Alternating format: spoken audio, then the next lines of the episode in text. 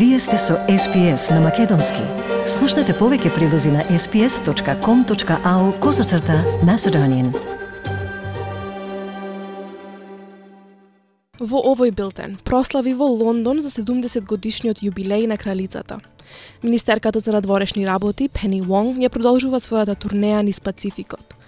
Вчера во Вашингтон почна стратешкиот диалог меѓу Македонија и Соединетите Американски држави. Председателот на САД, Џо Бајден, го повикува Конгресот да донесе посилна акција за оружјето. На СПС на Македонски следуваат вести за 3 јуни 2022 година. Јас сум Ана Коталеска. На кралицата Елизабета и беше додаден глобус на Комонвелтот на нациите на церемонија во замокот Уинзер, додека во Лондон започна јубил, јубилејните прослави. Илјадници светилници се очекува да бидат запалени ширум Обединетото кралство, додека луѓето ги слават 70 години на тронот на кралицата. Огромна топла се собра во Лондон, а некои кампуваа во текот на ноќта со надежда ја видат 96 годишната кралица и ќе ја гледаат воената парада Trooping the Colour, која го одбележа официјалниот роден ден на секој монарх од 1760 година. Овие посетители велат дека прославите представуваат добредојдена пауза од сериозноста на пандемијата на коронавирусот. I think it's fantastic that we're able to do all this after so many horrible months of COVID, and it's so great to honour what the Queen has done for 70 years. I think it's amazing to have the opportunity again to be in the middle of many people and everything so peaceful. И премиерот Антони Албенизи и одаде почит на кралицата Елизабета II. Во говорот по повод 70 годишното владење на кралицата, премиерот рече дека кралицата представувала стабилност во текот на незините многу децении на престолот. Тој вели дека и неговото раѓање било некако потенцијално одложено, бидејќи на пат кон полницата неговата мајка инсистирала да ги следи прославите за време на втората посета на кралицата на Австралија во 1967 година. Господин Елбенези во регата Пойнт во Канбера запали светилник во незината чест. Australians hold Queen Elizabeth in respect and affection, even as the bond between our nations is no longer what it was at the dawn of her reign. No longer parent and young upstart, we stand as equals. More importantly, we stand as friends. The Queen has been a good friend to Australia. In joyous moments like this one and through our darkest days of trouble and trial. Министерката за надворешни работи, Пени Вонг, ја продолжува својата турнеја низ регионот на Пацификот во третата меѓународна посета откако го презеде Министерството. Владата вчера најави 8 годишно партнерство за развој со Самоа, каде ќе се фокусира на подобрување на примарната здравствена заштита во регионот. Госпогица Вонг е во посета на Тонга денеска пред да замине за Индонезија во текот на викендот заедно со премиерот. Во разговор со ABC, Министерката за надворешни работи рече дека владата активно се занимава со Пацификот во овој период на промени. We are in a time of great change. Our region is being reshaped. The Australian Prime Minister, the Australian Foreign Minister is going to put to the to the countries of the region you know, our perspective uh, on where those interests are shared and what work we can do to ensure they are preserved. Сојузната влада организира состанок со министрите за енергетика на државите и териториите за следната недела во врска со прашањата за цената и снабдувањето со газ.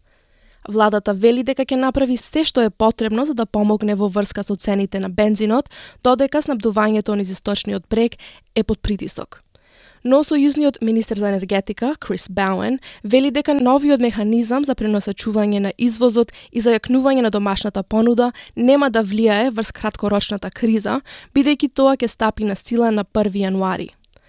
Операторот на австралискиот енергетски пазар или AMO донесе план со кој го гарантира снабдувањето со газ и со тоа се очекува подобрување на снабдувањето со газ во југоисточните држави во наредните денови. Господин Бауен вели дека ЕМО и Австралискиот регулатор за енергија или AER ќе бидат присутни на состанокот наредната недела. It is my intention to convene a meeting of all energy ministers early next week to be advised by AEMO and AER on the current supply situation Шефот на македонската дипломатија Бујар Османи, заедно со помошник државниот секретар за европски и евроазиски прашања на Америка, Карен Донфрид, вчера попладне го отворија стратешкиот диалог меѓу Македонија и САД, кој се одржува во просториите на Стейт Департментот во Вашингтон. Во фокусот на дискусиите беше важноста на регионалните иницијативи за реформските процеси, како особено значени за евроинтегративните перспективи, помирувањето и целокупната стабилност на Западниот Балкан. Министерот Османи го нагласи активното учество на Македонија во голем број регионални иницијативи, вклучително и Берлинскиот процес, Отворениот Балкан, процесот за соработка во Југоисточна Европа, регионалниот совет за соработка и друго. Украинскиот председател Володомир Зеленски изјави дека Русија сега окупира речиси 20 од територијата на Украина. Зеленски вели дека Украина треба да се брани од речиси целата руска армија. Тој вели дека Киев е благодарен за недомнешната воена помош, но додаде дека испораките на оружје треба уште повеќе да се засилат. As of now, nearly 20% of our territory is under the control of occupiers, almost 125,000 square kilometres. It is more than the territory of Benelux countries altogether. Nearly 300,000 square kilometres are polluted with mines, unexploded ordnance. Nearly 12 million Ukrainians became internally displaced people, including more than 5 million, mainly women and children who went abroad. Ова доаѓа откако Русија ги обвини Соединетите Американски држави дека додале гориво на огнот, бидејќи председателот Џо Бајден објави пакет оружје во вредност од 700 милиони американски долари за Киев, што ќе вклучува напредни ракетни системи со дострел до 80 километри. Бајден се надева дека проширувањето на дострелот на оружје на Украина ќе помогне да се поттикне Русија да го преговара крајот на војната, во која загинаа илјадници луѓе и во која повеќе од 6 милиони луѓе беа принудени да ја напуштат земјата.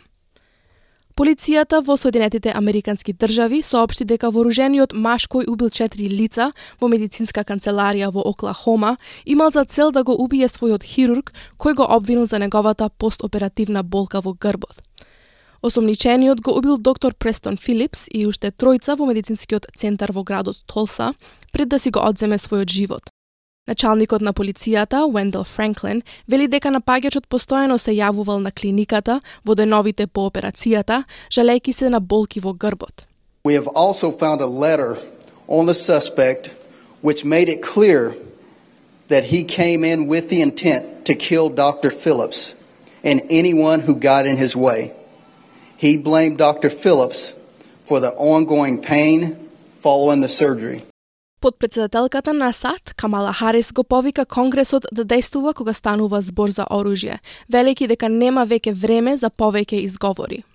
And I don't have to tell anybody in this room, but President Biden has taken more executive action to combat gun violence than any other president at this point in their administration. Um, but we cannot as an administration or those of us who are here address this alone. Uh, no more excuses. Thoughts and prayers are important, but not enough. We need Congress to act. И председателот Џо Бајден и се обрати на нацијата по повод последниот бран масовни преселки во обид да се зголеми притисокот врз Конгресот да ги усвои построгите ограничувања за оружјето. Во минатото ваквите напори беа неуспешни.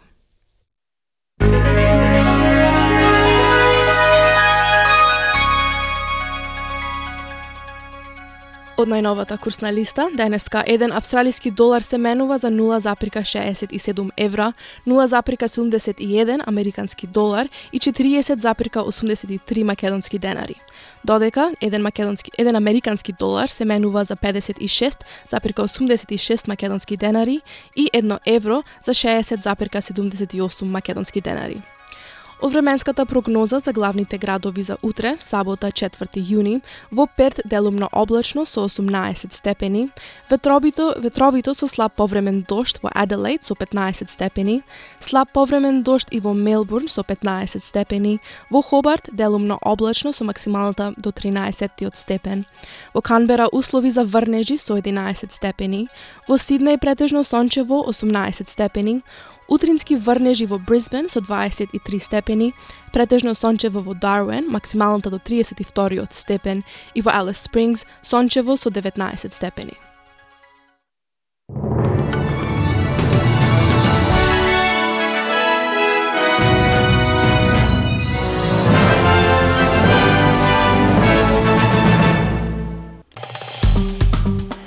Мислите, ми се допаѓа, споделете, коментирајте. Следете ја SPS на Македонски на Facebook.